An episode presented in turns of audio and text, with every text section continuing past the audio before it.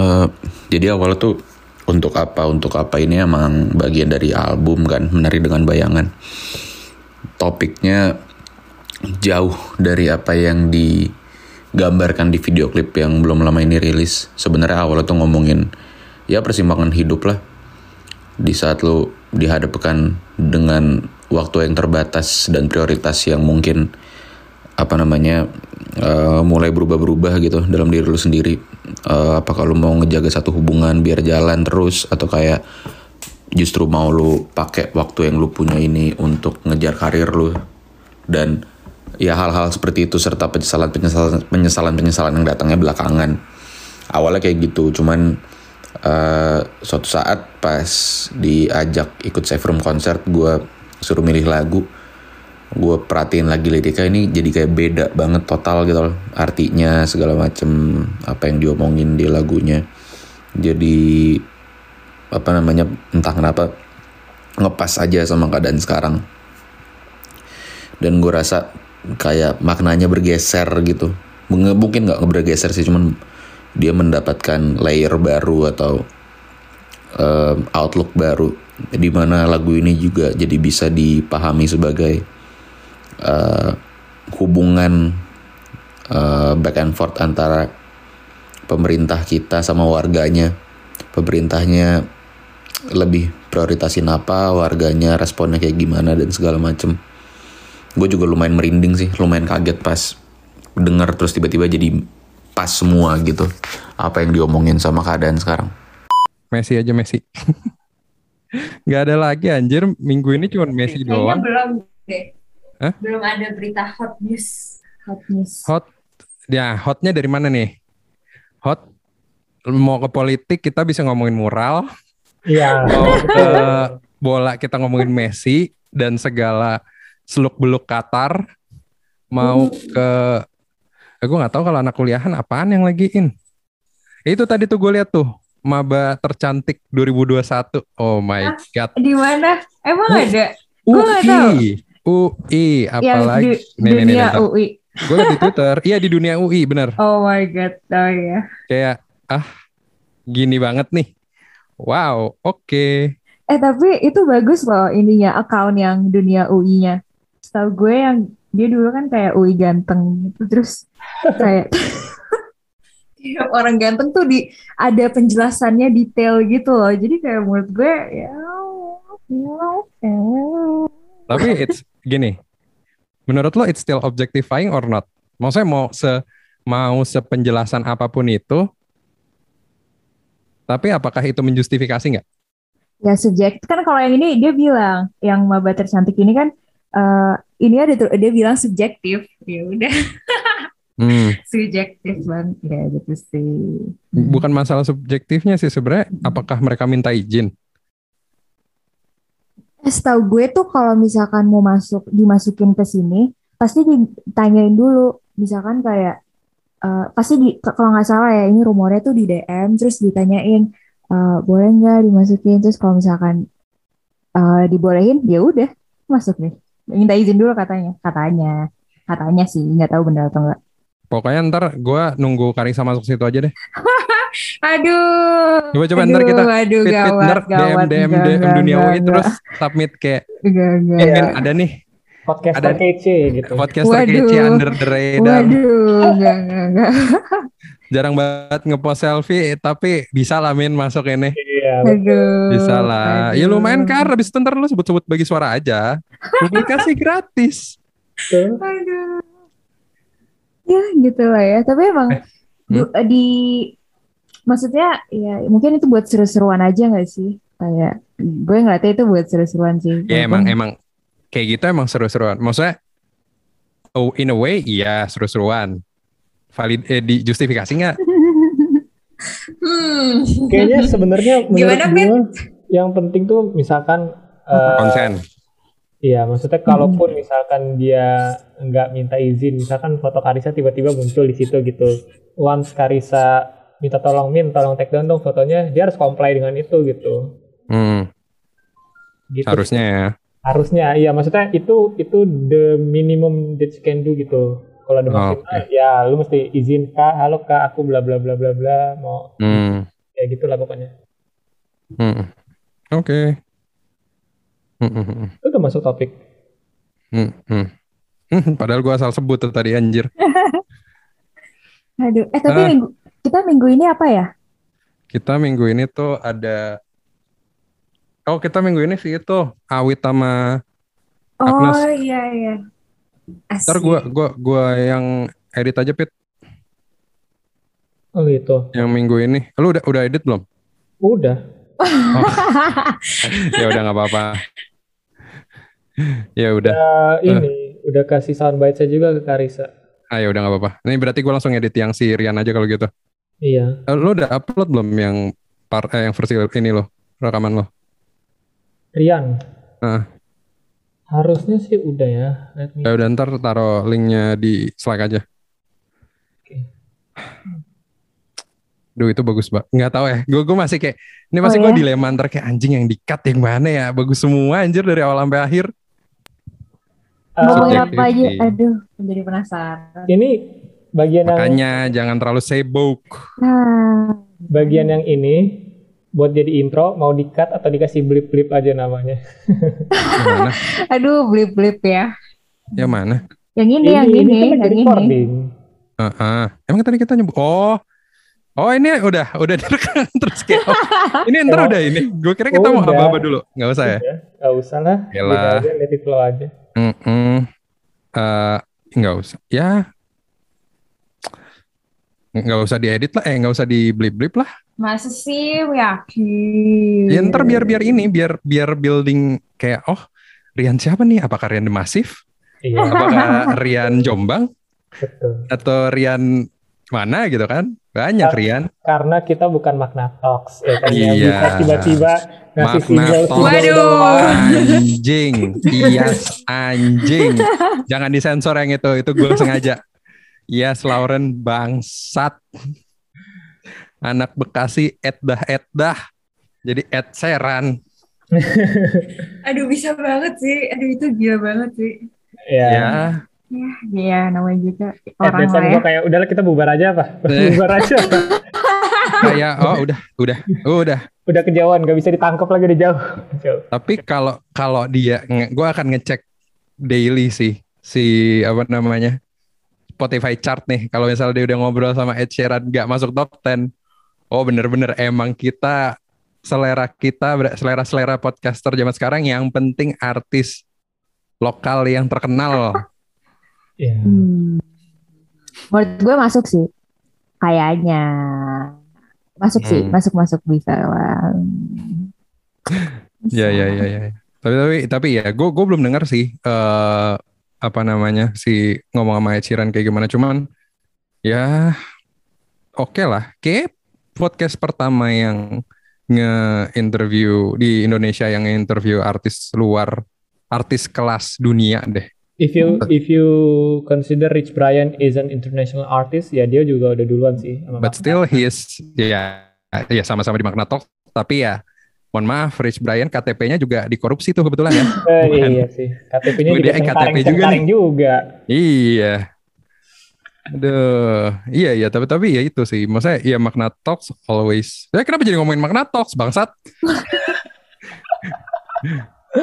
Apa ya? ya ya tapi tapi ya congrats for Magna Talks ending with a Mm-mm. bang sih gitu. Benar-benar.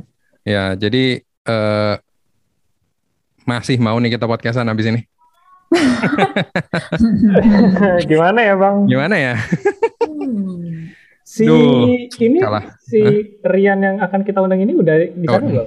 Disebut terus. Belum, belum. Eh, Coba gue cek ya. Belum, saya ingat gue belum. Saya ingat gue Rian itu belum. Rian tuh cuman ada di channel podcast yang mm, nggak ada di Spotify itulah pokoknya. Setahu gue. Coba Iya. dicek fit. Coba Apa? dicek. Coba ya. Coba dicek dulu. Eh, lagi checking ya. Oh. Rian ini kan kita belum sebutkan Rian siapa kan? Tetap kompetitif ya. Iya. kompetitif lah. Harus Kita harus- lagi mencari cara gimana. How to break the chart again, cek gitu. Iya. Break the chart. Asli, asli. Tapi ya ya emang minggu ini agak adem sih Mayan sih, kecuali berita dari luar negeri, berita dari dalam negeri itu kayak ya still pandemic, etc etc Mm-mm. pemerintah nggak becus, etc etc itu lagi sih. Em, Itu siapa sih? ya, ya dan sebagainya dan sebagainya lah gitu oh, kayak dan, masih dan lain-lain, astaga. Gak ada, men. Gak ada Rian. Rian. Tuh, tuh. Tuh, tak, tuh, tak, tuh, tak, tuh, tak, tuh, tuh, tuh, tuh, tuh, tuh. Adanya 2016 di sebuah Udah, ada, podcast. eh, Udah, udah, udah, udah. Itulah. Udah lah. pokoknya. Udah lah, udah lah. Dah. Pokoknya, Ya, sengaja ini kita di luar. pokoknya ya udahlah, seru dah. Eh, Eh, Bat lo main ini kan kripto kripto main, kenapa? Gimana? Udah anjlok. Tapi gue udah enggak. Udah anjlok. Gue tuh karena mungkin beruntungnya gue udah masuk duluan ke situ, jadi seanjlok-anjloknya orang, gue tuh kayak enggak ini gue masih untung. Oke. Jadi enggak enggak tahu ya. Kalian ada yang baru memulai investasi Belum. investasian? Belum sih. Duitnya Jangan aja belum kripto. ada nih. Iya. Masalahnya itu doang. Aduh. Kalau udah ada baru kali ya itu, gitu itu kan. paradoks ini gak sih paradoks financial planning Afifu was was was di Twitter dan Afifu, Instagram was, was, was, was, was, was. Duitnya ada nggak? Enggak, iya bos. itu dia Enggak, bos. Sorry milenial tuh banget nggak bisa ada. beli rumah karena kebanyakan minum kopi susu men kalau nggak ya sengaja nggak minum bikin kita waras sengaja itu bikin kita waras gitu ya gak sih Bener, Jerbat bener. nggak Mak, minum kopi susu tapi minum air Air, air ya. air, Air keras. air ini, air apa namanya? teh tawar dia minumnya Iya, gue minum teh tawar panas biar gratis. Eh, by the way, udah mulai bisa dine in loh. FYI iya. aja. Bukannya yang 20 menit itu ya? Pengen gue cepuin aja nih semua yang buka dine in tuh. eh tapi gue pengen berbagi pengalaman. Nih gue tuh eh, beberapa hari yang lalu tuh sempet eh, dine in. Ini pengalaman pengakuan dosa sih tapi dine innya bukan di restoran yang fancy bla bla bla gitu. Cuma ke warung Hmm. soto gitu kan. Hmm. di Roxy outdoor. Dan emang ya itu dia dia tulis kayak 15 menit gitu. Tapi Oh, kayak iya. nggak nggak strictly 15 menit. Ya kayak kalau misalnya tapi dia strict kayak kalau misalkan udah ada pelanggan yang selesai makan mas Mhm. udah selesai makan ya eh, bisa eh, maksudnya bisa udahan gitu. Hmm, hmm, hmm, hmm. terus gua jadi ceritanya nganterin nyokap buka puasa gitu dia pengen buka puasa di situ. Terus Hmm. dia tuh makan tenang-tenang aja gitu. Gue tuh makan kayak pengen buru-buru nggak tenang parno gitu. Beneran loh gue tuh nggak tahu kenapa Iya, iya, seperti iya. gitu loh. Aha, oke. terus pulang bener-bener kayak aduh nggak bisa mandi mandi mandi nggak bisa. Padahal kalau misalkan cuma kayak eh, ya sebelum sebelumnya nggak nggak sampai kayak gitu banget gitu. Kenapa ya? Ada dong Parno gak sih? Ini tuh Parno. bener-bener Parnonya tuh maksudnya apalagi lo jarang keluar gak sih Pit? iya Iya. heeh. Lo jarang keluar kan? Itu sih. Kan beda sama Karisa yang Eh, gue juga Parno. beda sama Karisa yang ya gitulah. Enggak. Parno. Tapi tapi ya jadinya ya emang ngubah mindset sih. Mm-mm. Satu setengah tahun men. Gimana Bener, nggak ngubah mindset nih? Mohon maaf. Kayak jadinya gue ngelihat orang, gue ke mana ya? Ke- agak rame dikit tuh kayak nih nih gue gue gue gue kan kemarin second shot gue kelewatan gara-gara gue sempet covid. Ini Ah. terus gue sekarang baru mau ambil second shot di tempat lain nih gitu. Hmm. Tapi Aha. dari, dari kantor sih. Nah tapi gue melihat pun kayak tiap hari kan ada update-nya gitu Ah. kayak di sana gimana kayak duh kok gue jadi takut ya Wah, enggak sebenarnya bukan yang ngerubung banget gitu tapi ya rame Ah. aja tetap aja tapi jadi kayak aduh ambil sekarang nggak ya gitu jadi malah jadi pokoknya kayak jadi apa ya jadi ya parno gitu ngelihat ngelihat orang rame mhm. parno gitu apalagi lo udah kenal gitu kan, jadi udah kayak. hmm. Iya. Nah, gue bingung sama orang-orang yang udah kena, mau itu ringan, mau itu apa. Tapi habis itu kayak, hahaha, tidak apa-apa, aku keluar-keluar, aku punya antibody. Wah, anjir itu gue pengen ngom- ngomongin orang kayak gitu lagi bangke enggak, enggak, enggak. Tapi, tapi intinya kesel sih. Cuman kayak, oh ya udahlah gitu. Gue kayak, oh jari tengah aja buat kalian semua gitu. Gue mute semua akhirnya tuh teman-teman gue yang Oh, iya. masih ngepost-ngepost pergi di sebuah kota di Indonesia yang menjadi pusat COVID kedua. Iya jadi jadi sebenarnya ada eh, temennya ya mungkin bisa dibilang munculnya jerbat lah. Eh, sudah berapa Eh. Gak jadi. Takut. Aduh, aduh, aduh. Gak usah. Kalau yang Skip, itu emang skip, skip. udah bebel, udah bebel itu, udah, udah. Gue gue gue sebagai teman tuh udah ya udah you do you lah gitu. Sekarang kan every man for himself aja gitu kayak Iya sih emang sih bener sih. iya. Jadi kayak ya gimana? Ya I'm sorry for everyone's loss tapi ya mau gimana kalau sekarang? Ka- ka- Apalagi terlebih terlepas lagi keluarganya yang bebel ya. Gitu. Kalau orang yang udah jaga tapi kena ya disayangkan banget. Tapi kalau yang udah bebel nggak mau vaksin, nggak mau pakai masker, ya nggak mau pakai masker masih ada sih. Gue bingung sih kalau nggak mau nggak mau vaksin tuh kayak ya udah kayak iya deh gitu. Nggak mau pakai masker tuh kayak lu satu setengah tahun kemarin ke mana bos? Ke mana? Gue tanya. Lu apa baru bangun dari koma dua tahun apa gimana sih?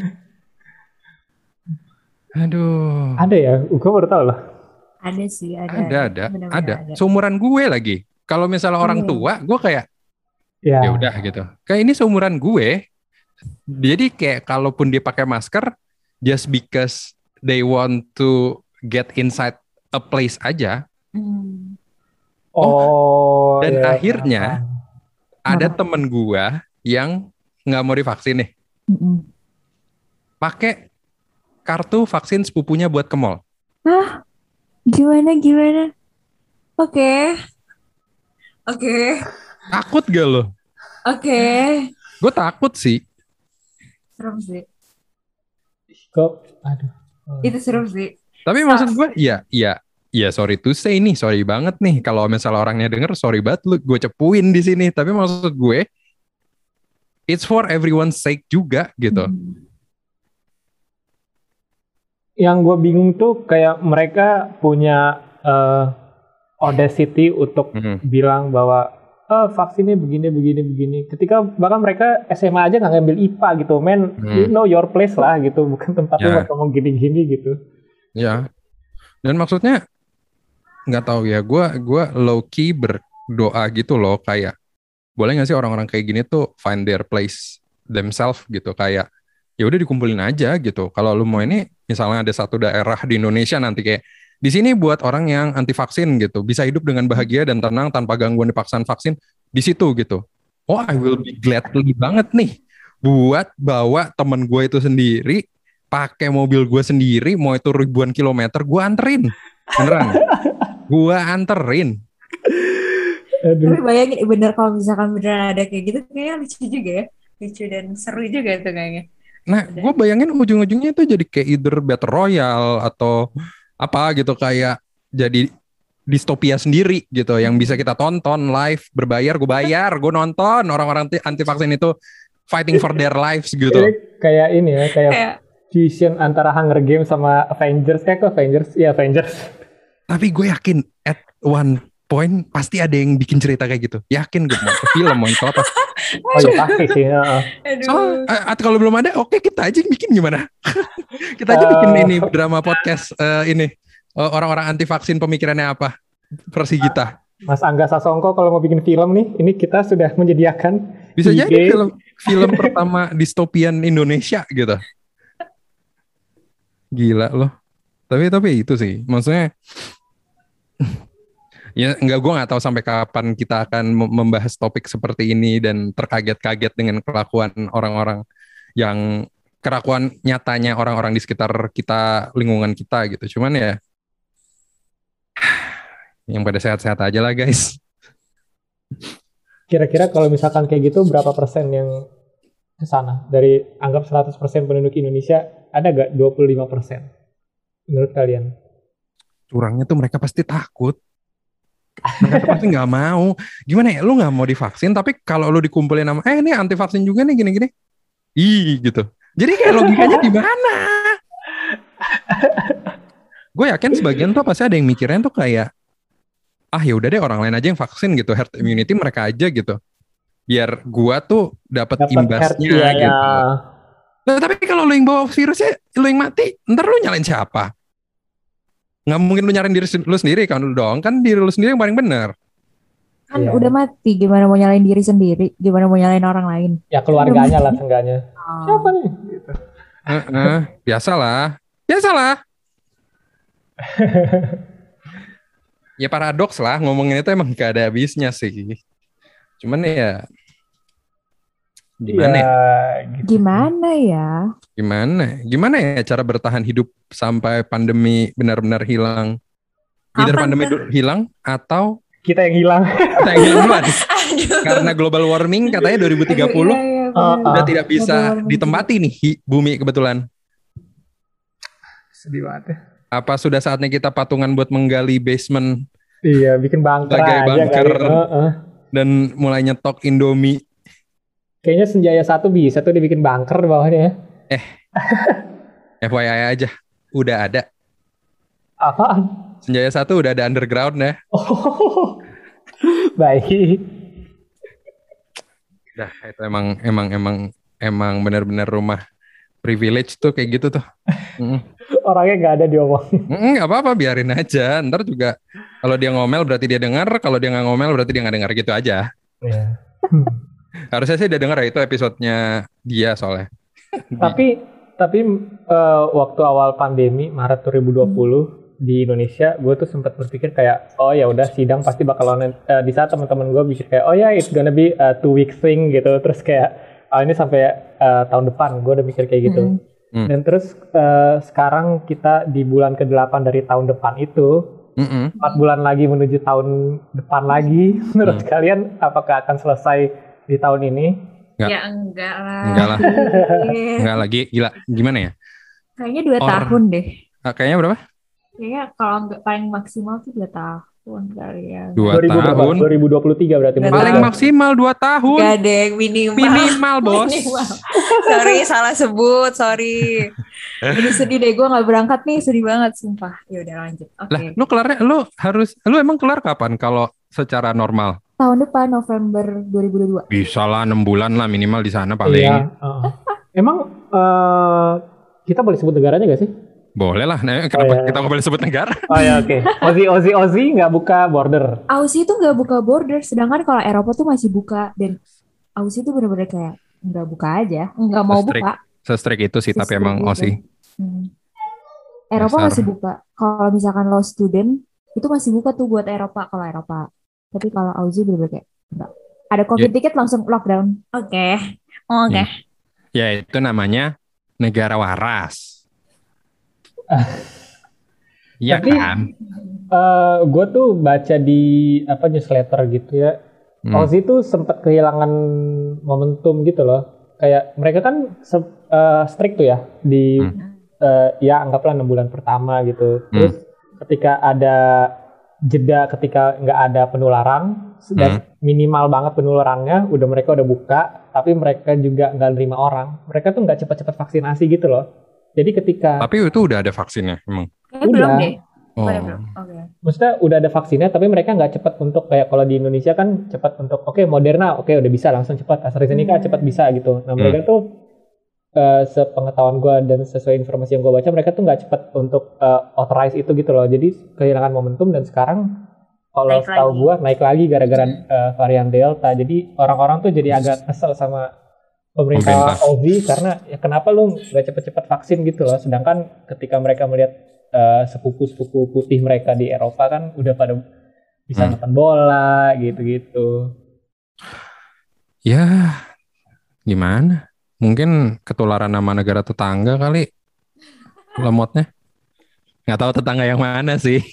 Hmm, iya Soalnya di Iya. ujung jauh nggak sih buat transport vaksinnya? Nggak tahu deng. Nggak tahu deng. Tapi ya harusnya sih ya nggak tahu lah. Tapi tapi mereka juga lockdown ketika naik naik drastisnya mereka tuh kayak ya lima kasus Beda dalam lah. satu Lima kota kasus. iya Iya, iya benar. Lima kasus dalam satu kata sumpah satu benar. kota masih bisa atau masih bisa dihitung yang kena. Oh Eko, Budi, Joko, Tuti, sama Ani. Oh iya Iya. lima orang ini yang kena gitu. Langsung. Betul. Ah, Langsung. ya ya ya. Ya nggak tahu lah. Gue sekarang juga ya gimana tiap hari tiada hari tanpa mendengar bunyi ambulans. oh Sekarang iya deket rumah lu ini rumah sakit atau Rumah apa? sakit gak sih? Rumah sakit, Pak. rumah sakit dan dan nggak di rumah nggak dekat pas gue lagi nggak dekat rumah sakit pun di jalan gue ketemu aja sama ambulans lewat gitu kayak gimana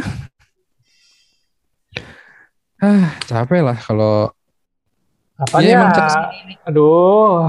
Ini. semua capek lah kayak gini cuman ya ya tinggal tinggal tinggal kapan lo eh kewarasan lo nih diuji bisa sampai mana nih kewarasan lo sampai lo bosen sampai lo ya akhirnya kayak misalnya ya kayak akhirnya ya udah gue cabut deh gitu kayak misalnya lo memutuskan untuk liburan ke mana atau apa gitu ya ya semua orang ada batasnya sih dan bukan berarti yang liburan itu salah tapi ya ya emang again every every person for themselves aja gitu.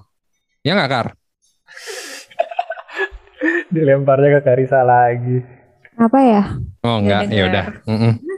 Tapi Eh. I wouldn't mind Aduh. being uh, in the same room with my friends that I can trust that are vaccinated, that are fully vaccinated ya. Kalau itu gua ada main sih, karena gua udah tahu maksudnya ya close circle lo siapa aja gitu lah. Iya iya. iya. Gue gue juga ya gue mungkin lebih YOLO ya daripada lo. Gue kayak ya udah gue ketemu orang yang gue nggak tahu nih. Gue gue masih kayak ya udahlah. Yang penting gue tidak akan membuka masker dua lapis gue dan tidak akan berinteraksi sedekat mungkin sih. Hmm. Gimana? Lagi-lagi ngomongin COVID lagi, COVID bisa nggak sih intro kita nggak ada nggak ada bahas COVID sedikit pun gitu kayaknya deh lumayan melelahkan ya kalau udah habis ngomongin itu. Lo bayangin ya sekarang ini beneran gue baru lihat di Twitter 4 menit yang lalu. Hmm. Sekarang di Manchester karena mau ada pertandingan bola sejam lagi, Hmm. supporternya udah bisa tawuran. Coba lu bayangin udah bisa tawuran supporter di Inggris bisa sebelum nonton tawuran. bola. Astagfirullah. Aduh, MU Leeds, MU Leeds. Sedangkan kita di sini, aduh, keluar aja mikirnya sampai kita- kali. Ntar tanggal 27 kan, 27 Agustus kick off Liga 1 Indonesia. Oh masih ada ya? Masih ada, alhamdulillah. Gue udah gak pernah merhatiin ini sih, sepak bola Ya. dalam negeri sih. Gua gua karena terima kasih rekan-rekan di box room yang memberikan informasi Oh, iya. semalam gue nonton. Jadi kayak oh masih ada toh dan ternyata bergulir akan bergulir lagi tapi lo tau plot twistnya nggak? Apa tuh? Semuanya pertandingan dimainkan di Jawa. Di Jawa, as in kota Jawa apa? Jawa Pulau. Oh, kota Jawa Pulau. Di Jawa, iya. Jadi maksudnya lo mau Persipura yang dari Jayapura atau Persi Kabo eh, atau mana gitu, tetap semua pertandingan akan dimainkan di Jawa. Seakan-akan Jawa itu zona hijau. Jadi dibagi tiga, tiga wilayah, barat, pusat, sama timur deh kalau nggak salah. Jadi kayak barat tuh ya Jabodetabek, Jabodetabek Dung, Ja- Jabodetabek Bandung gitu. Jabodetabek Kalau nggak salah. Pokoknya stadion-stadion di situ, di pusat tuh di Jogja sama Semarang apa, timur tuh ya Surabaya, Malang dan sekitarnya gitu. Hmm. Terus gue kayak, hmm, masih bisa ya? Kenapa enggak? Dan gue kayak bisa nggak ditaruhnya di Sumatera gitu? Kayaknya di Sumatera angkanya lebih baik deh daripada di sini. Tapi ya udah. Ya, Ya kita tahu apa ya kan? apa yang kita tahu sih soal bal-balan? Bal-balan kan bikin goblok. Aduh. Jadi ya, Ngomongin bal-balan, di terakhir deh. hmm, Terakhir ngomongin bal-balan. Arsenal kalah sama tim promosi 2-0, goblok banget ya Allah. Itu tim gak bisa bubar aja apa udah? nggak apa-apa. Itu kalau kalau kata kawan bagi suara tadi siang gitu nge-tweet Bapak Jerry Arvino gitu Oh kan. iya betul. Arsenal tuh memang suka berbagi sadakoh. Jadi buat tim yang baru pertama kali masuk Liga Inggris lagi, Liga Premier Inggris dan udah 74 tahun tidak pernah menang di Liga Premier Inggris, diberikan satu kemenangan gitu di hari pertama match day season baru ini. Jadi terima kasih sekali Arsenal atas sodakohnya. Terima kasih Ben White ya. Mm-mm. 50 juta itu ya. Yang katanya, oh he will play better than Varane. Oh, kita lihat saja. Kita lihat satu jam lagi apakah United bakal Nggak, kalah Varane Leeds. Varane nggak main anjir. Oh, Varane nggak main ya? Oh iya belum belum. Orang belum di announce. Benci Oh, banget gua. iya. Benci banget gue belum di announce. Tapi Lukaku juga gak main sih, tenang aja. Ah, lu kamu seperti luka aku deh. Lukaku seperti Lukaku. Bener-bener. Aduh, tapi ya udah ya gitulah kurang lebih minggu ini. Ada satu sih sebenarnya ini terakhir yang harus kita Apa promosikan. tuh? Apa tuh? Blind Date Podcast Project Oh, kemarin iya, udah iya, naik episode benar-benar. pertama. Hayo, semoga udah pada dengerin dan semoga semoga ada yang mau daftar lagi ya. Ini lumayan sih sebenarnya animonya, udah lumayan banyak yang daftar. Tapi Oh iya, we lihat need lagi. men. We fucking need men. Iya. Kenapa cewek semua bos yang daftar? Enggak semua sih, tapi kayak majority cewek. We need you guys. Sebenarnya gua bisa-bisa aja sih, tapi kan nggak Hmm. etis dan tidak ini ya. Ya, betul, tidak fair, etis. ya kan? Betul, tidak etis dan tidak fair. Betul. Heeh. Betul, tidak mungkin ada lah lo di episode itu. Tidak mungkin. Enggak, enggak ada. Mungkin. Enggak ada, enggak ada. Aduh, Kar, kasih tahu dong teman-teman lo yang anak-anak kuliahan. Siapa Oke. tahu yang mau nyari cewek-cewek lebih tua. ya. Gue ya kan gue coba sounding lagi karena kemarin gue ada sounding. Dan semoga mereka Tapi yang gua seneng adalah eh, sekarang yang daftar tuh eh, range umurnya tuh ya 18 sampai 23 lah gitu. de- demi apa ada yang belasan? Oh, iya gue Kayaknya gue target jatuhnya ke target Kita kan? oh, ini gak sih? Bu, maksudnya kayak target Ada 23. Iya, iya, iya. Tapi ya jatuhnya ya emang pas lah gitu, bullseye-nya kita lah gitu. Tapi sesuai. ya itu, we need men. Ya, ini men, betul. We need men. We need men and we need you to be the podcaster, one of the newest Oh podcaster iya. bagi suara. Jadi kami juga lagi mencari podcast producer yang kurang lebih ya, ya bakalan bantu-bantu eh, teman-teman bagi suara eh, untuk apa ya, bikin episode-episode yang kece deh pokoknya. Ya nggak sih? Benar, benar Hmm, sekali. hmm, hmm, hmm. Jadi silakan kirimkan CV kalian ke bagi suara at gmail.com dan ya udah itu aja sih sebenarnya. Detailnya, detailnya bisa dilihat. di Detailnya bisa Suara dilihat nanti di eh sudah ada di kita. Instagramnya bagi suara. Eh, Instagram udah ada emang? Ya ketika ini naik harusnya udah ada dong. Oh iya, iya. benar, benar, benar, enggak, benar, benar. ya gimana dong masa diulang lagi? Bukannya udah naik ya? Oke. Belum bos. Ya di waktu itu di IG story tapi nggak di ya takutnya miss. Ntar di IG eh di IG feed ada ding. Fit ada kan Oh pertama. yang belum naik tuh blinded. Oh my god ini bagian ini dikat aja feed please please please yang bagian ini dikat. Makanya Ya udah. gue bingung, orang udah ada. Ya udah. Ya udah. Ya udah pokoknya intinya mau blind date, mau jadi podcaster, cek semua di Instagramnya bagi suara deh. Jangan lupa follow juga gitu. Betul. Kalau begitu, Oke. selamat mendengarkan cuap-cuap gua bersama Sismita, bersama yang kemarin masuk di intro dan bersama temannya. Tentang apa? Ya tentang dengerin aja habis ini dulu. Oke. Bye. Bye. Bye. Indonesia cuman penetrasi marketnya not even 7% kalau kita ngitung asuransi aset kayak asuransi mobil, asuransi rumah gitu. Nah, kalau ngomongin personal financial protection, it's even less than 3% gitu. this one thing called um, piramida finansial gitu. Dan yang pertama, yang paling penting adalah ya orang harus punya health insurance dulu karena mau lo punya investasi, eh, lo mau nabung, lo bitcoin, apalah segala macem gitu ya. Kalau misalnya lo nggak punya health insurance, ujung-ujungnya lo sakit, ya biayanya lo ambil juga dari investasi lo itu yang seharusnya yang tadi Aud bilang buat future profit, tapi jadinya jadi kayak dana darurat kan? Gitu. Di Kompas tuh bahkan bilang 80% kebangkrutan yang dialami oleh orang Indonesia penyebab utamanya adalah karena penyakit kritis, bukan karena mereka meninggal karena penyakit kritis, tapi justru mereka survive. Halo, sebelum dengerin episode bagi suara kali ini, jangan lupa kalau kalian belum cobain bagi kata, langsung aja ke bagikata.app.app di browser kalian dan cobain layanan kami ya.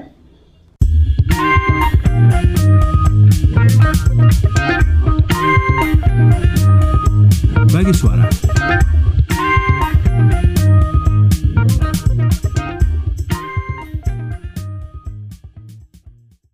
Balik lagi nih bagi suara sama gua Jerbat eh, dan bersama Bu Sis si nomor fans nomor satu Taylor Swift.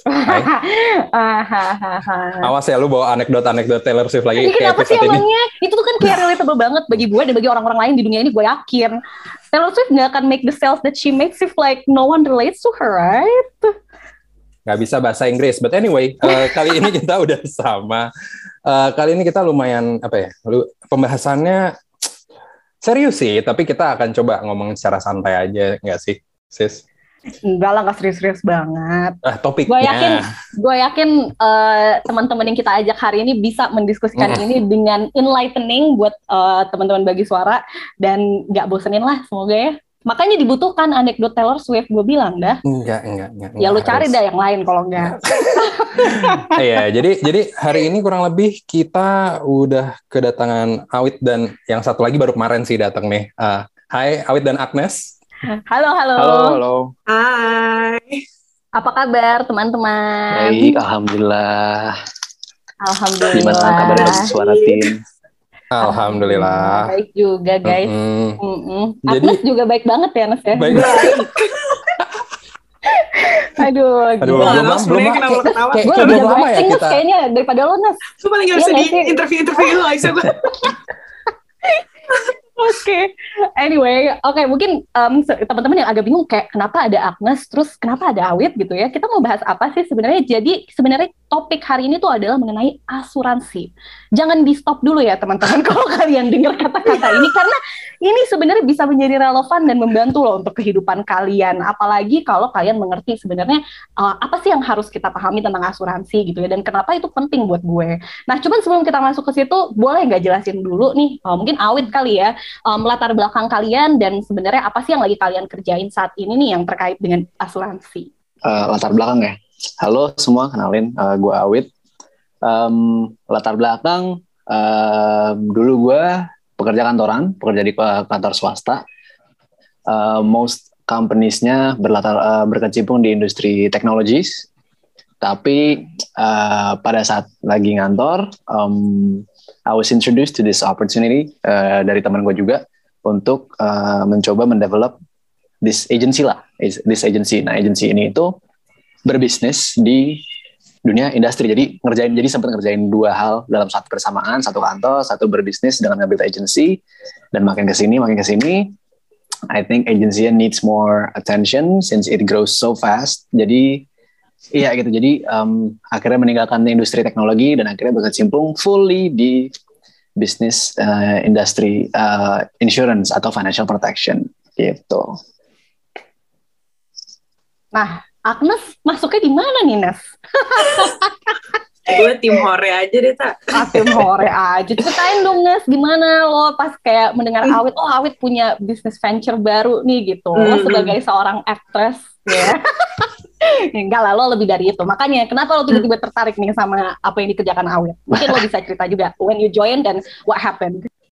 um, what happened was at first uh, it was strictly based on needs gitu. Jadi karena pertama kali uh, gue diintroduce sama Awit soal this financial protection uh, produk ini. Karena emang sebelumnya gue kan uh, gue tuh illiterate banget lah tak soal uh, pentingnya apa namanya protection buat kita gitu ya. Dulu tuh gue mikirnya cuma kayak udah cuan cuan cuan terus habis itu gue gue tabung tabung tabung. Tapi ya udah habis itu kayak um, I don't have any insurance. Kayak kalaupun sakit gue juga bayar sendiri intinya gue balik-balik lagi um, ngurangin tabungan gue sendiri gitu.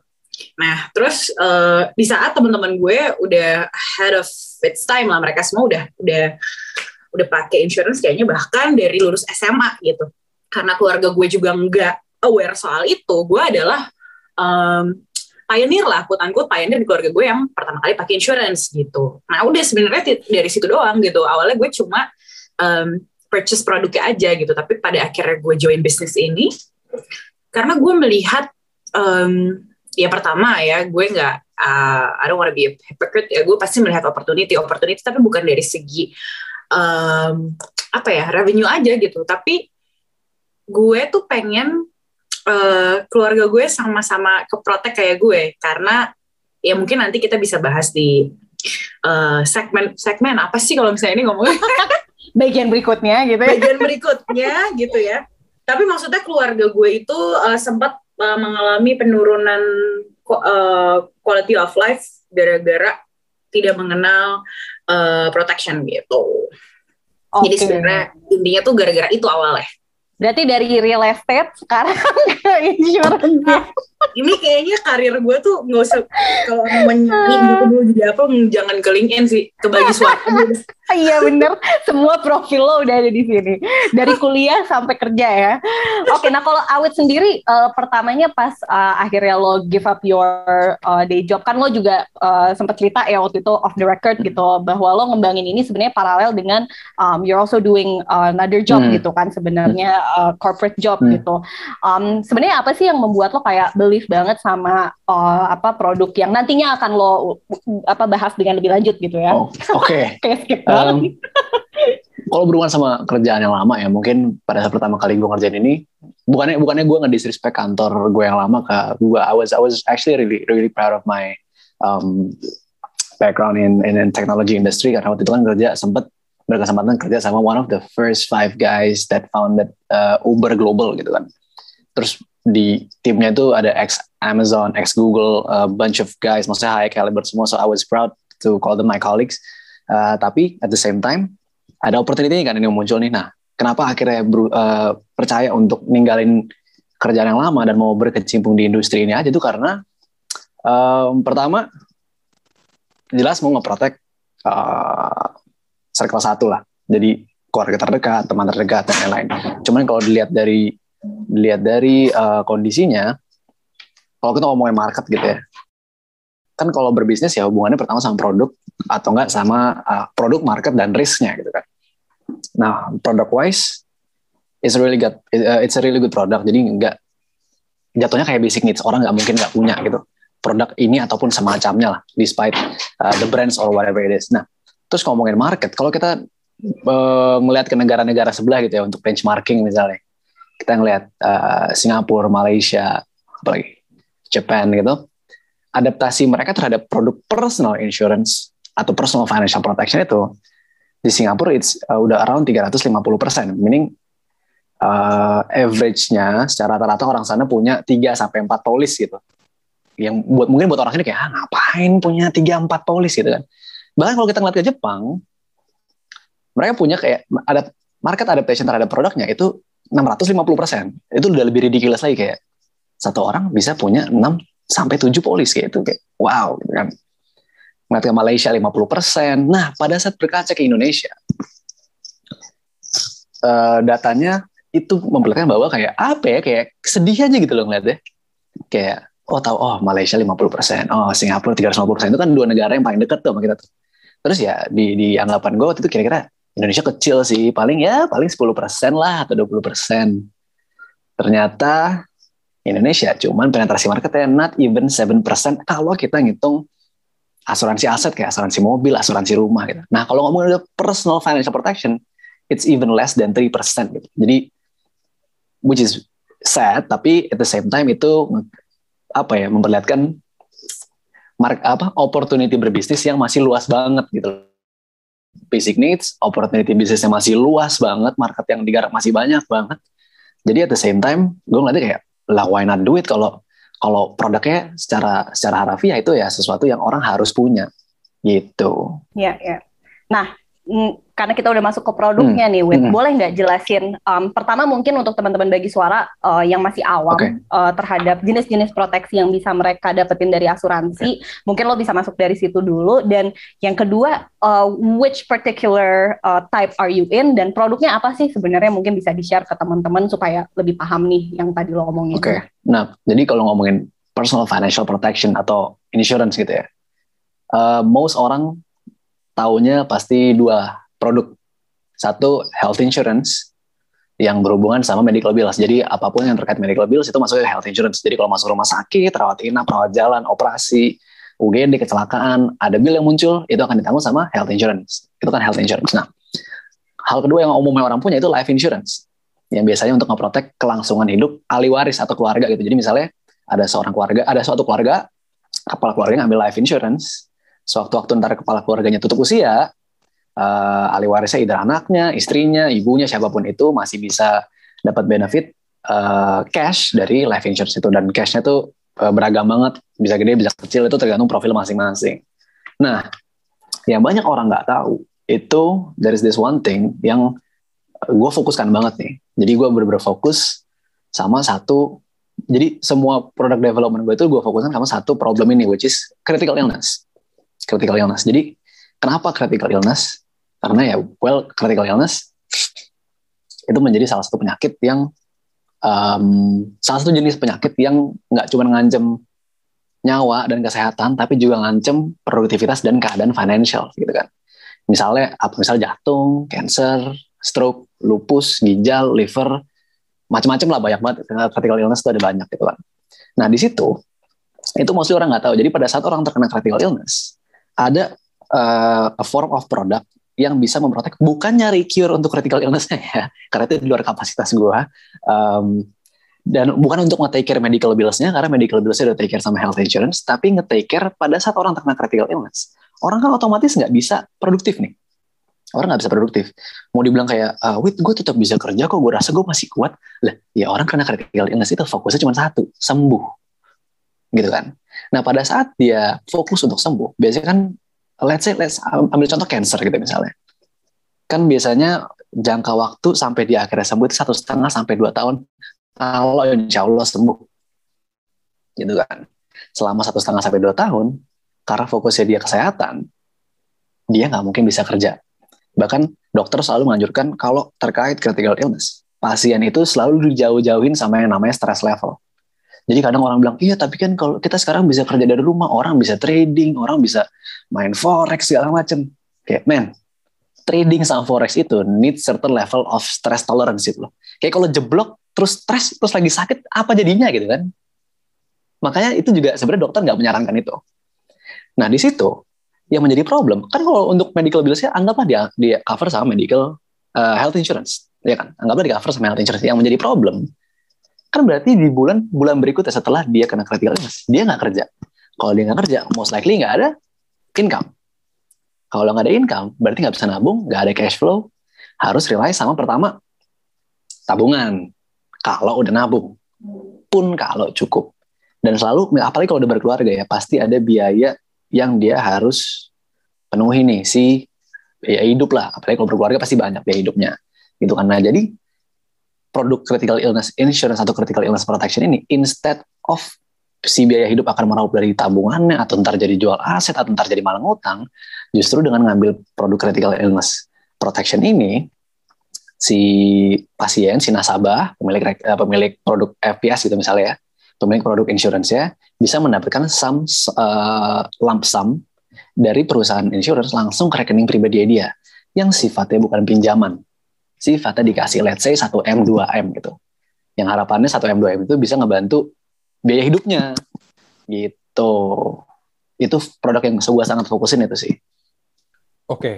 um, menarik banget sih. Dan gue juga apa ya gue gue sendiri juga nggak gue nggak gitu ngerti. Maksudnya gue ngerti asuransi itu on the surface doang sih. Ya tipikal soalnya gue gue mungkin agak tipikal yang kayak eh udahlah gue udah dapet hmm. dari kantor kan sejauh ini gue masih ada full time kantor jadi kayak masih dapat dari kantor tuh gue nggak nggak begitu mikirin yeah. gitu tapi mendengar penjelasan lo barusan gue juga jadi kepikiran gitu kayak iya juga ya kalau misalnya udah kayak gitu kan uh, iya apalagi uh, uh.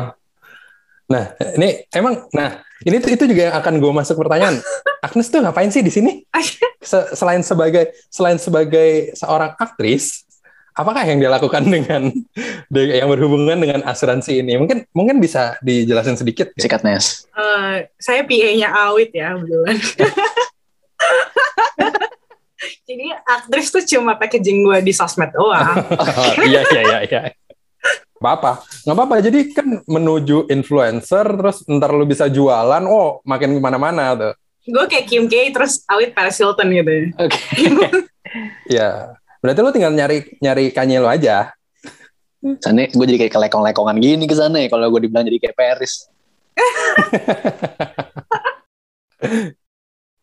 Ya mungkin um, gampangnya gue gue partnernya awit lah di uh, di lini gue uh, di lini bisnis ini gitu. Dan sebenarnya pertama kali gue introduce ini ke Sismita ya, gitu ya kebetulan um, dia juga kaget gitu karena jangankan Sismita, gue juga kaget gitu. Karena uh, melihat melihat uh, maksudnya gue tuh orang yang um, yang tadi gue udah mention di awal ya kalau gue tuh cukup illiterate lah soal um, hal-hal yang berbau finansial. Mau itu tabungan konvensional ataupun uh, investment atau mungkin sekarang orang main reksadana, bit, uh, bitcoin ya gitu-gitulah ya gitu apalagi insurance gitu. Gue insurance tuh soalnya pertama gue gak besar di keluarga yang uh, aware soal insurance gitu.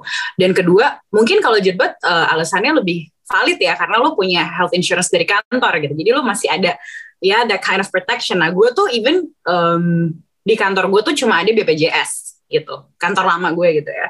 Terus um, gue pun pribadi nggak punya insurance gitu. Tapi uh, gue di sini uh, tadi pertanyaannya kan gue sebenarnya apa ya perannya di sini gitu. ya gue partner yang punya, gue juga masih belajar gitu. Tapi intinya apa yang gue dapatkan sekarang nih, kan gue baru join jadi partnernya Awit itu masih baru lah, baru bulan Maret gitu ya, gitu. Jadi gue, hmm, how do I put it ya? Gue educating market nih soal this certain product that we're developing as an agency gitu ya. Uh, karena banyak banget market di luar sana, nggak usah ring tiga, ring dua, ring satu gue aja, meaning sahabat-sahabat gue yang istilahnya kuliah tuh udah jauh-jauh, bahkan S2 gitu. Mereka tuh kadang masih menganggap insurance tuh not necessarily fraud, tapi it's it's unnecessary kayak ibarat eh, gue kasih satu uh, contoh kali ya.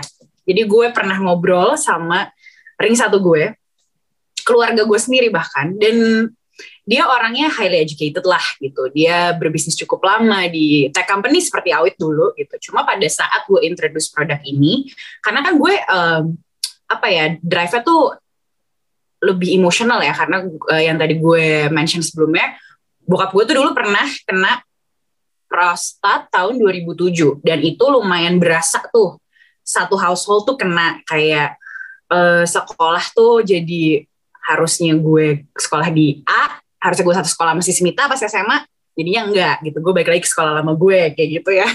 Ngomong teman-teman bagi suara tau gak sih Smita sekolah di mana dulu? Wow, sekolah yang wow. Wow, sekolah yang deket PS itu lah pokoknya. Terus Jauh anjir gak deket itu. ya lumayan. Kamu gue bilang gak dari ya. Tapi uh, apa namanya? Ya intinya kan gue drive emotion gitu ya. Jadi pada saat gue introduce ke keluarga gue gue tuh bener-bener pure uh, gue pengen ngeprotek keluarga gue. Tapi yang menariknya adalah dia merasa um, dengan adanya produk ini dia nggak keprotek gitu. Dia malah merasa bahwa kayak ya gue buang-buang duit dong. Kayak gue harus nabung. Walaupun jatuhnya nabung gue bisa narik lagi tapi jatuhnya kan gue ngeluarin duit di otak dia kayak gitu Sedangkan gue bisa dihitung jari masuk rumah sakit dengan rawat inap tuh paling cuma dua tiga kali lah. Kalau misalkan uh, gue bandingkan dengan certain amount of money yang gue tabungkan setiap bulannya itu tidak uh, tidak imbang, maksudnya lebih ya lebih besar pengeluarannya daripada in, uh, income protectionnya. Dia mikirnya kayak gitu. Jadi gue jadi mikir gitu loh kayak oh even orang-orang yang jauh lebih berpengalaman dari gue itu aja tuh masih punya that kind of mindset gitu. Gue jadi penasaran, kenapa nih gitu? Kenapa sebenarnya orang-orang tuh punya pemikiran tersebut? Padahal ibaratnya kita kita nih lagi ada di generasi yang kayak woke generation ya, quote unquote gitu maksudnya ya lebih. Begitu kita udah kena globalisasi banget lah, internet gampang banget kita nyari informasi apa pun. Tapi ternyata um, untuk untuk beberapa orang itu masih hal yang tabu kali ya, gitu sih. Jadi gue di sini berperan untuk mengedukasi gitu. Nah, um, nih gue jadi penasaran nih. Jadi kan kalau karena again karena gue awam, jadi gue tuh selalu dulu dulu lah gitu. Misalnya gue terpapar soal insurance ini, um, beberapa agent lah gitu, let's say uh, itu menjual um, apa investa eh sorry asuransi itu as an investment gitu. Mereka menyebutkan ini tuh investasi gitu. Kalau pandangan kalian berdua deh gitu, each of you guys gitu, uh, are you agree on that atau uh, or you have other opinion about it? Mungkin dari siapa awit dulu mungkin. um, asuransi sebagai investasi ya. Gue completely disagree, gitu ya. Gue completely disagree. Jadi gini, menurut gue asuransi itu tujuannya protection. Investasi itu tujuannya future profits. Jadi kenapa nggak boleh bisa gabungin? Karena kalau lu ngambil nih, let's let's say uh, kita ngebahas dikit soal produk yang tadi lu mention dari agen yang lo temuin itu ya asuransi sebagai investasi. Udah pasti kan produknya unit link, ya nggak? Udah pasti produknya unit Yes. link. Um, jadi kalau dibilang ntar nabung di sini, uh, ke depannya bakal dicairin lebih Hmm. gede, abis itu ntar tetap dapat health insurance, itu to be true. Bullshit buat gue, gitu kan. Jadi um, kalau emang, jadi yang gua yang gua tahu ya, yang gua tahu asuransi yang dikategorikan sebagai unit link itu kenapa dikelola via media investment seperti reksadana? Itu tujuannya bukan buat ngambil profit. Tujuannya biar premi yang dibayarkan di awal. Misalnya let's say yaudah deh gue ngambil insurance sama Allianz gitu misalnya gue buka 2 juta per bulan terus gue ngambil produk yang unit link. Sampai kapan preminya akan flat? Hmm. karena ada pengelolaan sebagian dari preminya di produk investment.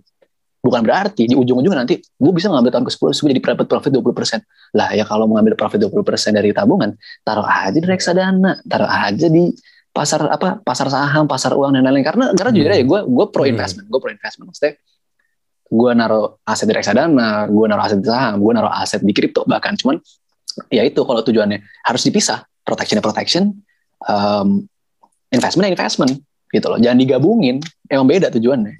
Gitu. Kalau menurut gue sih gitu. Kalau menurut lo gimana, Nas? sudah pasti gue uh, agree dengan awet gitu ya. Um, karena uh, gini sih, jadi bokap gue itu kan um, waktu itu pas kena prostat tuh semua duitnya keluar dari kantong pribadi gitu ya. Dan sebelumnya sebenarnya dulu tuh pas gue masih SD, kita sekeluarga tuh ada insurance dari company X gitu ya. Nah, terus um, company ini, uh, this is a apa credible insurance company gitu loh. Nah, tapi mindset bokap gue pada saat itu dia melihat insurance sebagai investment. Jadi waktu itu dia belinya pakai dolar. Nah, pada habis itu ini bokap gue yang cerita ya. Gue gak ngerti detailnya gimana. Terus dolar, dolar naik tuh jadi 12 ribu kalau nggak salah. Akhirnya pada saat karena bokap gue pengusaha, dia tuh profit minded banget gitu. Dijual lah asuransi ya, jual bukan jual, maksudnya Hmm. ditarik gitu. Nah, terus tiba-tiba tahun 2007 dia kena prostat gitu dan udah nggak ada health Mhm. my- baik life health ataupun gue nggak tahu ya zaman itu ada uh, income protection kayak gini atau enggak gue rasa sih nggak ada ya dulu nah eh terus atau mungkin ada tapi produknya masih kayak shitty gitulah nah jadi pada saat gue bilang ke bokap gue em, gue kan pertama kali punya protection itu Juli 2020 nah terus kan gue cerita ke bokap gue. Terus udah gitu bokap gue bilang pokoknya apa pun yang terjadi jangan ditarik. Maksudnya sebisa mungkin adik bayar sendirilah gitu. Eh maksudnya bayar terus lah nabung terus gitu. Karena karena dia mengalami pribadi gitu. Ternyata em, sangat rugi untuk dia. Maksudnya kalau misalnya kita ngomongin profit ya dia yang dulunya mikir kayak oke nih gue eh, nyairin asuransi gue jadi lebih tinggi gitu ya. Mungkin itu yang dijual sama enggak sih tapi itu kan karena dolar ya karena kenaikan dolar gitu. Hmm. jadi bokap gue bilang ke gue lo jangan ngelihat insurance tuh sebagai investment. It is a protection gitu. Maksudnya kalau misalnya uh, gue belajar dari teman-teman di agency dari awet dari tim-tim yang lain juga gitu. Di there's this one thing called um, piramida finansial gitu. Dan yang pertama yang paling penting adalah ya orang harus punya health insurance dulu karena mau lo punya investasi, eh, lo mau nabung, lo bitcoin, apalah segala macem gitu ya. Kalau misalnya lo nggak punya health insurance, ujung-ujungnya lo sakit, ya biayanya lo ambil juga dari investasi lo itu yang seharusnya yang tadi Aud bilang buat future profit, tapi jadinya jadi kayak dana darurat kan gitu. That's gue, gue pikir ini adalah protection bukan investasi. Yes, yes, yes. Berarti agak quote unquote agak kebukti lah ya. Itu tadi kayak dari dari dulu yang bokap lo ngalamin itu berarti emang mungkin ya gue nggak tahu dulu zaman dulu bangetnya jualannya kayak gimana tapi berarti emang a bit mindset kayak oh ini investasi. Makanya mungkin tadi salah satu anggota keluarga lo pas lo jual itu kayak ya gue rugi nih kalau ibaratnya gue sehat-sehat aja kan. Gue gue nggak ngerasa ini ngapain gue keluarin duit. Tapi em, nah kan kita ya udah udah beda generasi lah nih sekarang ya. Um, what's your personal take on the insurance industry ini sendiri sih di Indonesia mungkin dari Agnes dulu um, my personal take in the insurance industry. Uh, gue gue pengen orang-orang tuh sadar urgensinya gitu loh. Karena di di Kompas tuh bahkan bilang 80% kebangkrutan yang dialami oleh orang Indonesia penyebab utamanya adalah karena penyakit kritis, bukan karena mereka meninggal karena penyakit kritis. Tapi justru mereka survive. Misalnya ya let's say they survive cancer gitu ya. Tapi kan mereka tuh ada idle time tuh setengah sampai dua tahun minimal di mana mereka tidak produktif gitu. Sedangkan OPEX mereka berjalan habis itu pada saat mereka udah sembuh mereka udah bisa balik kerja lagi misalnya mereka nggak punya itu kan mereka ini gue ngomongin keluarga sendiri deh biasanya pinjem-pinjem duit kan kanan kiri gitu udah gitu jadi kayak ngerusak uh, financial plan keluarga yang lain ngerusak hubungan bahkan kayak gitu-gitu jadi um, ini tuh bukan sesuatu yang harus kita bangun lagi. Ini maksudnya kalau kalau gue mikirnya pada saat gue nge uh, nge-introduce produk ini ke ring satu gue, kebanyakan ring satu gue kan yang gue approach gitu maksudnya. Itu tuh gue solely pengen mereka itu nggak kesusahan nantinya. Soalnya uh, ya gue apalagi kita sandwich generation ya gitu. Maksudnya kayak ya gue nggak mau lah nantinya gue misalnya amit-amit kena sesuatu terus gue nggak tahu mau mau minta pertolongan ke siapa gitu loh apalagi pada saat kemarin gue juga mengalami um, another personal experience menyangkut insurance gitu ya uh, so recently my mother just passed away kan gitu dan pada saat uh, nyokap dirujuk ke rumah sakit gitu dia nggak terlalu diprioritaskan gitu Mungkin di sini Awit bisa nambahin yang mau gue maksud kali ya, biar biar lebih jelas gitu. Terus jadi gue, gue nambahin dulu, gue jawab dulu pertanyaannya nih. Mungkin nambahin, nambahin dulu aja, nggak apa-apa. Oh, nambahin dulu, oke. Okay. Jadi gini, jadi gini, ini ini ini informasi yang gue tahu dari sisi mungkin tadi terkait sama ceritanya Agnes soal mendeprioritaskan um, orang-orang yang nggak punya some sort of insurance lah gitu ya. Jadi rumah sakit kan rumah sakit itu sebuah bisnis juga kita bertransaksi di rumah sakit. Bukan berarti kayak rumah sakit harus menolong orang apa pun keadaannya. Ya enggak, ya namanya bisnis gitu kan. Rumah sakit punya fasilitas, dia ngeluarin cost juga. Nah di sini, misalnya yang terjadi penyakit apa pun itulah, terus uh, terus berat perlu tanganan penanganan khusus. Kalau orang nggak punya insurance, biasanya mereka diminta satu hal, yaitu deposito. Deposito dulu 60 juta, 70 juta, 80 juta. Dan ya itu bukan angka buat buat siapa pun, buat most orang Indonesia, kecuali mungkin ya keluarga keluarga keluarga one persen one persen Forbes top Forbes, Forbes top ten gitu mungkin beda cerita ya. Cuman cuman in most cases itu kan pasti jadi problem kayak ah, gue harus naruh sekarang nih duit gue nih 60 juta 50 juta sekian puluh juta unless mereka naruh itu mereka kan mereka udah pasti nggak akan diprioritaskan nah sementara kalau kita punya some sort of insurance ya, let's say yang nge-cover the whole bill udah udah dijamin kita uh, misalnya cashless terus di cover the whole bill, kita cuma tinggal ngasih ke admin, terus admin tahu. Jadi di rumah sakit itu juga ada level-level of treatment. Kayak misalnya nih, misalnya, misalnya kayak salah satu uh, sahabat gue, which yang nasabah gue juga kemarin apa? Ya, operasi ACL. ACL tuh lutut kan, dia harus operasi ACL. Nah operasi ACL tuh ada, ada beberapa cara gitu sebenarnya. Kayak mungkin yang paling rapi pakai laparoskopi, jadi bekas lukanya kecil banget, hampir nggak kelihatan ada juga yang ngebelek ngebuka untuk dijahit secara manual. Uh, nah itu laparoskopi jelas lebih mahal treatmentnya, alatnya lebih bagus, lebih baru dan lain-lain. Nah, kalau udah pakai kartu insurance yang kayak istilahnya ya udah di bayar uh, insurance menjanjikan untuk membayarkan apa pun itu tagihannya, udah pasti rumah sakit kayak ya udahlah kita kasih aja treatment paling tinggi. Satu, revenue buat rumah sakit lebih tinggi. Kedua, rumah sakit tahu gue pasti dibayar sama insurance company-nya, nggak mungkin enggak. Jadi gue nggak peduli ini orang si pasien gue punya duit nggak punya duit deposito nggak deposito udah pasti tagihannya dia semua dibayarin sama insurance. Jadi udah pasti dilakuin uh, full treatment dari rumah sakit. Gitu. Bukan yang mendiskriminasikan, cuman uh, dari sisi rumah sakit kita juga harus mikir bahwa rumah sakit kan juga sebenarnya bertransaksi gitu loh. Jadi kita memanusiakan rumah sakit juga jatuhnya. Gitu. Oke, oke. Hmm, ya realistis. Berarti itu emang uh, Mm-mm. orang tuh harus lebih banyak aware lah ya soal fakta kayak Betul. gini. Jangan, ya itu balik lagi kayak yang tadi lu bilang, uh, hospital is still business gitu. Nggak jangan yang kayak ya lu kan rumah sakit mau lu rumah sakit negara, rumah sakit mana? Ya itu kan masih rumah sakit lah Kak, uh, bisnis. Iya bener, kan ada dokter yang harus digaji, ada pegawainya, segala macam kan. Yes, yes, yes. Gitu. Anyway, dari tadi kan kita udah ngomongin nih eh, betapa sebenarnya eh, masih banyak yang nggak menggunakan eh, produk-produk proteksi gitu kan. Um, Mm-mm. Cuman eh, in your own words and in your own opinion gitu ya, um, kenapa sih eh, masih tinggi barrier untuk orang-orang menggunakan eh, produk-produk asuransi with Oke. Em, satu mungkin yang paling umum ya eh, personal experience mereka, most orang, maksudnya di sekitar gue dan segala macem, mereka either kayak mulai memasuki du, apa pas usia produktif gitu ya.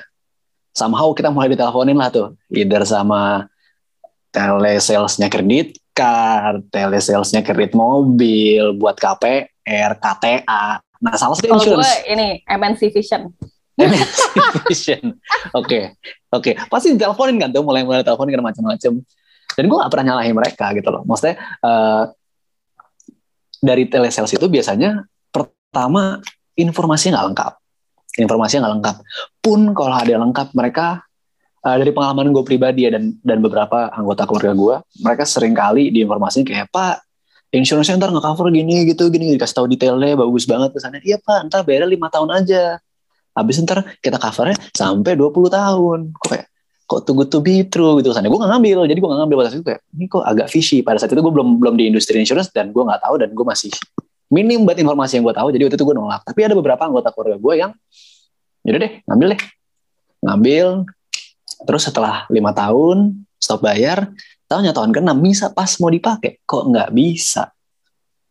Kok tiba-tiba nggak bisa dipakai nih kartu pala janjinya si telesales kayak gue bisa make 20 tahun ke depan gitu kan ternyata pas gue gue juga waktu itu nggak tahu dan gue nggak berusaha nyari tahu karena ya udahlah waktu itu akhirnya di diiklasin aja. Terus makin ke sini eh, pas gue udah masuk mulai masukin apa insurance industry gue sadar lima tahun itu lima tahun itu adalah periode lima tahun pertama itu periode profit taking untuk company dan commission untuk sales. Gitu. Jadi kalau telesales kan kita nggak kita nggak mungkin dong kenal telesales. Kecuali ya misalnya gue kerja sebagai telesalesnya suatu perusahaan insurance terus gue nelfon Agnes Nes jangan ditutup. Ini gue awit. Gue kerja di sini sekarang. Iya itu kenal. Cuma kan very unlikely. Ini kayak video-video TikTok itu ya, speaking with God. iya makanya. Dan kita kan bisa terus dikasih list doang. Dan mereka dikasih target yang cukup ekstensif. Dan mereka pokoknya pokoknya lu closing nggak mau tahu. Lu closing lu dapat revenue gitu kan. Nah pas gue tahu itu ya sebenarnya harusnya bayarnya nggak berhenti di lima tahun. Karena ya harusnya berkelanjutan selama proteksinya masih berjalan gitu. Itu pertama. Jadi gue rasa gue nggak mukul rata semua telesales ya. Mungkin gue nggak pernah punya pengalaman sih. Mungkin ada telesales telesales di sana yang informasinya lengkap dan bagus mungkin ada tapi gue nggak tahu. Nah itu pertama satu. Nah dan yang kedua kenapa kita kesannya illiterate banget gitu terhadap insurance ya? Ya sekarang gini form of financial protection yang di provide buat semua orang mostly semua orang di Indonesia apa? Cuma satu BPJS kan? BPJS itu nah sekarang gue misalnya tanya deh ke kalian gitu. Kalian sama-sama bekerja nih sama-sama nerima gaji. Gajinya kan gross nih dari gross dulu dipotong tax dipotong BPJS let's say gajinya 10 juta. Let's say gaji 10 juta. BPJS kelas paling atas berapa? 150 ribu kan sih? Berapa sih sekarang? Sekitar segituan lah ya. Kalau gue harusnya nerima 10 juta nih misalnya. Terus gue tiba-tiba loh kok gue nerima 9,85 juta? Terus gue nanya ke HR company gue mbak ini kenapa dipotong segini? Oh with itu buat BPJS terus gue kayak oh oke. Karena 150 juta. Eh eh, 150 juta 150 ribu. Nggak ganggu hidup gue kayak ya udahlah. Oh ya udah BPJS oh ya udah oke fine. Jadi kita nggak nyari tahu lebih dalam. Beda sama kondisi misalnya salah satu market yang paling uh, penetrationnya paling tinggi juga US gitu misalnya. On average, on average kayak market di US itu dari gross income dipotong 30 persennya. 30 persen untuk tax and insurance. Jadi misalnya nih, gue harusnya gaji 30 juta nih. Misalnya harusnya gaji 30 juta. Gue terima, gue deal. Oke, gue salaman sama bosnya. Oke, gue mulai kerja di kantor lu. Mulai besok bulan gaji gue 30 juta sebulan. Di akhir bulan gue terima gaji. Kok cuma 21 yang masuk? Gue pasti nanya dong, ini ke mana 30 persen gue buat teks? Oh ya oke, buat teks satu lagi. Terus masa teks sebanyak itu kan enggak. Sisanya buat apaan? Buat insurance. Mau nggak mau karena gue udah banyak, pasti gue emang insurance isinya apa? Jadi di situ gue sadar kayak, oh oke, gue mulai terinformasikan kayak soal ya apa pun itu insurance yang di provide sama US gitu. Di sini itulah kalau menurut gue sih gitu. Nah, tapi menurut lo, oke kan Hmm. selain tadi misalnya salah satu caranya adalah edukasi gitu, ada nggak sih menurut lo kayak cara lain untuk bisa membuat orang em, lebih memahami dan juga excited lah gitu untuk bisa protect diri mereka sendiri dengan insurance? Hmm, oke. Di luar edukasi ya? Hmm. Ini mungkin agak agak keras ya. Cuman caranya cuma satu. Cuman caranya cuma satu, cuma satu, pandemi gitu. Karena ya pandemi ini kan hubungannya sama penyakit nih. Orang jadi pada takut eh, varian delta lah, apalah segala macam orang jadi pada takut keluar, orang takut sakit. Terus kita juga dengar, maksudnya di di sosial media setiap hari eh, kita ngelihat ya yang cari plasma konvaselen lah, yang cari rumah sakit lah, yang cari oksigen lah, yang eh, berduka lah dan lain-lain. Itu kan bikin orang takut selama ini, takut keluar, takut beraktivitas segala macam. Angka awareness market terhadap insurance naik 24%. Naik 24%. Itu good newsnya. Jadi kayak kayak udah mulai kayak wah anjir gue perlu nih insurance, gue perlu nih insurance nih. Gue perlu insurance ini sekarang covid. Kalau ntar tiba-tiba penyakit gue kenanya apa nggak tahu gitu kan. Cuma dari yang naik itu, ternyata bertransaksi juga less than 1% sebenarnya. Kayak yang ujung-ujungnya beberapa juga less than 1%. Jadi mungkin kalau naikin awareness dan orang paling enggak pas dengar kayak oh, oke oke gue butuh gue butuh. Di luar edukasi secara personal ya karena karena gue gue belum nemuin a form of education yang bisa secara mass market gitu. Misalnya gue naruh billboard ambil produk critical illness insurance dapatkan 2 m saat anda kena kanker. Kan kan kesannya kayak apa apa? Lu nyampein gue kena kanker nyet kan aneh gitu. Itu jadi nggak efektif juga. Nah makanya eh, sejauh ini yang gue paling efektif itu personal education. Karena dari word of mouth hopefully itu bisa berimbas banyak gitu. Ya kalau nggak ya option kedua ya itu. Pandemi mau nggak mau. Menurut lo gimana Nas? gue sih belum kepikiran di luar personal education ya. Cuma mungkin yang mau gue tambahin aja adalah em, orang-orang di sekitar gue itu ternyata masih banyak. Kenapa eh, mungkin kita dari tadi stressingnya tuh tentang personal education gitu? Karena masih banyak yang belum tahu. Ternyata lo tuh juga bisa loh ditolak gitu. Jadi nggak semua orang tuh bisa punya insurance gitu. That, that's the bad, uh, not bad side ya. That's the reality gitu. Soalnya kayak gue baru mengalami kemarin. Ini gue udah nawit ya gitu. Kebetulan baru banget gitu. Jadi gue tuh pengen nge-secure sahabat gue sendiri. Yang umurnya bahkan dua tahun di bawah gue gitu. Jadi sekarang dia 25 ya gitu.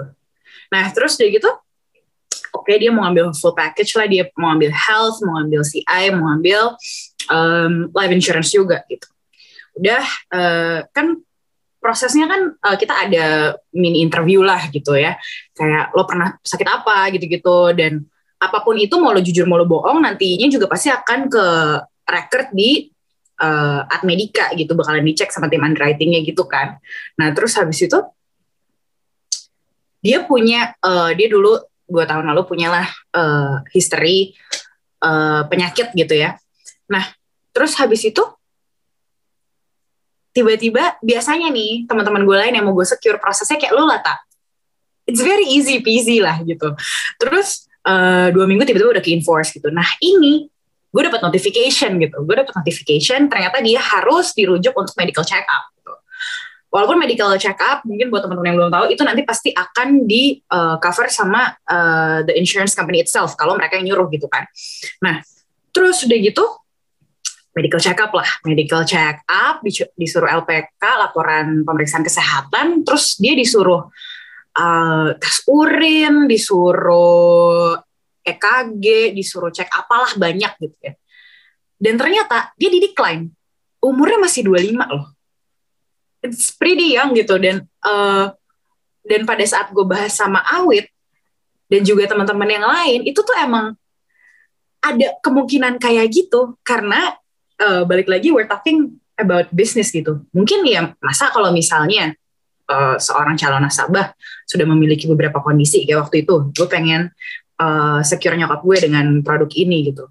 Gak apa-apa dia preminya agak gede, nyokap gue pun ngomong kayak gitu. Tapi ya nggak bisa karena dia sudah punya history jantung sebelumnya gitu. Jadi teman-teman gue pada saat baru tahu itu, baru urgensinya tuh naik gitu. Oh jadi gue tuh nggak bisa ya gitu. Dan juga um, kayak tadi Awit uh, sempat mention gitu ya, kalau misalnya profil setiap orang tuh beda. Meaning uh, premi yang ditabungkan juga beda-beda gitu sih mungkin. That's why kalau gue sih masih mikir personal education uh, is the most necessary necessary pada saat ini okay. gitu. Nah, um, ini pertanyaan gue nggak tahu sih lo berdua bisa jawab atau enggak ya. Tapi this is something yang pas gue kayak searching-searching di Google, di sosmed gitu ya. A sentiment that comes up a lot di negara kita, yaitu emangnya asuransi halal ya kak? mungkin kalian ada take nih mengenai hal ini. mungkin awet nih mungkin tahu. Oke, okay, uh, asuransi halal atau enggak ya pertanyaannya. Uh, jadi gini, kalau ngomongin halal atau haram, industri insurance pun, company-company yang provide produk insurance pun, sekarang udah ngeluarin produk syariah, gitu kan. Nah, tapi kan Betul. ada aja yang berpikiran kayak oh, ah syariah labelnya doang, aslinya mah produk syariah, tetap aja haram. Iya, tidak mungkin, tidak mungkin itu kan. Waduh, kan kok radikal gitu jadinya. Sebenarnya gini, jadi uh, penentuan haram atau halal itu kan di pasti ada beberapa aspek kan dari. Kalau dalam istilah Islam tuh ada horor, ada masyir, ada ribanya gitu lah ya. Nah, um, kalau asuransi yang syariah, asuransi syariah itu, ini ini yang gue tahu, ya, maksudnya produk yang yang gue ikutan ngedevelop, kebetulan produknya juga syariah. Bukan karena gue yang die hard uh, radikal Islam juga enggak, tapi uh, karena gue sadar bahwa more than 85% orang Indonesia itu orang Muslim. Jadi akan lebih uh, business wise lebih mudah buat gue untuk mengerti sisi mereka gitu loh. Mencoba mengcater uh, pemikiran-pemikiran mereka. Nah di sini yang gue yang gue tangkap ya. Hal uh, bisa dibilang nggak haram karena metode pengelolaannya itu udah mengelola metode pengelolaan keuangan secara syariah atau istilahnya pada masa lampau itu dulu namanya dana tabaru. Gitu. Nah, dana tabaru itu consist of two things, uh, dua dua hal yang menjadi kriteria dana tabaru. Profit sharing layaknya syariah, cuma karena dana tabaru ada juga namanya risk sharing. Gitu. Jadi jadi dana tabaru itu um, dalam form yang paling basicnya ya. Itu misalnya kita berempat nih tetanggaan nih. Sampai berempat tetanggaan terus kita chip in uh, sama-sama 50 juta gitu masing-masing terus kita setuju untuk kelola itu di satu platform. Misalnya apa ya koperasi gitu misalnya. Dalam koperasi karena kan ada profitnya. Profitnya akan kita bagi rata berempat profit sharing. Nah tapi apabila terjadi musibah sama salah satu dari dana kita berempat dana tabur tersebut akan dipakai untuk ngebantu gitu. Jadi profit sharing plus risk sharing. Itu yang membuat produk spesifik produk yang gue uh, develop ya halal. Gitu. Dan ini pun sertifikasinya juga udah disertified sama MUI jadi Nah kalau udah ada orang kayak iya tapi gue nggak percaya sama MUI, gue wah gue udah angkat tangan ya kalau kayak gitu. Maksudnya kan di sini kalau maksudnya panduan uh, haram atau halal di Indonesia yang bisa have a say ya MUI gitu kan. Kalau dari MUI udah melegalkan segala macam, udah mengatur itu sebagai halal, terus mereka masih bilang kayak enggak MUI itu konspirasi, wah itu udah gue angkat tangan konspirasi astaga bener-bener netizen ya memang. Netizen tapi memang kreatif sih. Jadi makanya gue harus bertanya nih sama lo eh, kebenarannya tuh gimana? gitu. Bener, bener. kayak itu gue angkat tangan udah kayak waduh. Oke okay, thank you. Okay. gitu. Iya, gue iya. gak usah jawab ya tak nanti gue dihujat lagi ntar dua, ntar dua tahun lagi anjir. Oke. okay. Uh, ini mungkin kita udah lumayan banget nih ngobrolnya. Mungkin ini terakhir sih uh, dari kalian dua nih. Mungkin uh, apa saran kalian buat ini kan mbak pendengar bagi suara nih kayak dari 18-19 tahun lah, which masih sangat mudah untuk eh, apa namanya ter apa ya ter, ter terpapar dengan informasi-informasi soal insurance pasti mereka masih nggak banyak lah gitu yang pasti masih banyak bingung. Ada nggak tips dari kalian atau saran eh, gimana sih caranya buat nge-assess buat mereka nih apa nge-assess kebutuhan asuransi apa sih yang sebenarnya gue perlukan sih gitu. Oh, kebutuhan asuransi apa yang mereka butuhkan? Oke. Kalau gue sih gini, pertama tergantung tergantung dari profil mereka masing-masing. Apakah mereka punya pertanggungan gitu kan? Jadi ada nggak sih orang yang gue bertanggung jawab selain diri gue sendiri? Karena kalau di umur 18-19 tahun, hopefully most likely belum. Ya gue nggak tahu kalau ada kejadian aneh-aneh yang menyebabkan mereka harus bertanggung jawab terhadap orang lain. Cuman hopefully sih belum ya kalau di umur segitu. Nah cuman kalau udah punya pertanggungan lain, eh, misalnya udah punya istri, udah punya anak, udah berkeluarga atau orang tuanya udah pensiun dan mereka bertanggung jawab atas orang tuanya.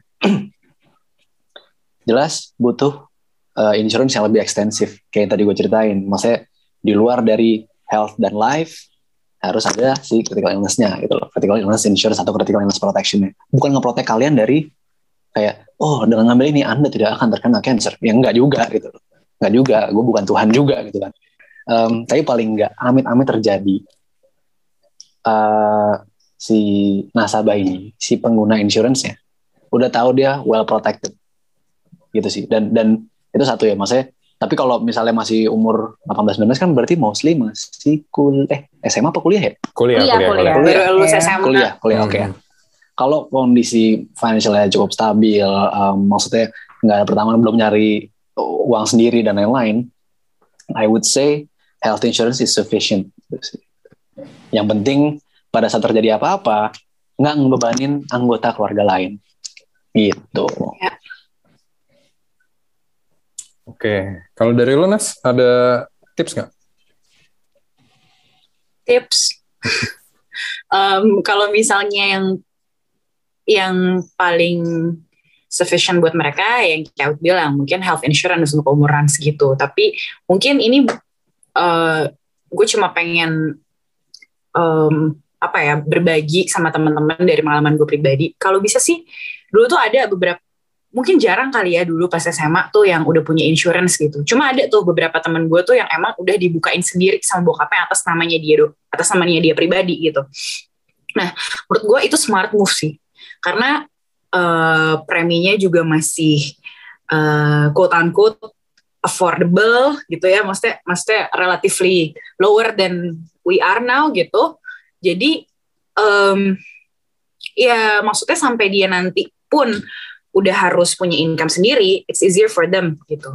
Jadi ya mungkin start as early as you can, apalagi sekarang juga situasinya sudah sangat mendukung dan aksesnya em, sekarang mungkin kalau misalnya dulu ya zaman kita SMA insurance tuh masih solely dari telemarketer gitu ya atau misalnya dari nyokapnya teman gitu ya. Kalau misalnya sekarang kan udah banyak nih anak-anak yang em, at our age eh, sudah cukup literate soal insurance industry dan lo bisa tanya ke mereka gitu kalau misalnya lo masih kayak meraba-raba gitu ya.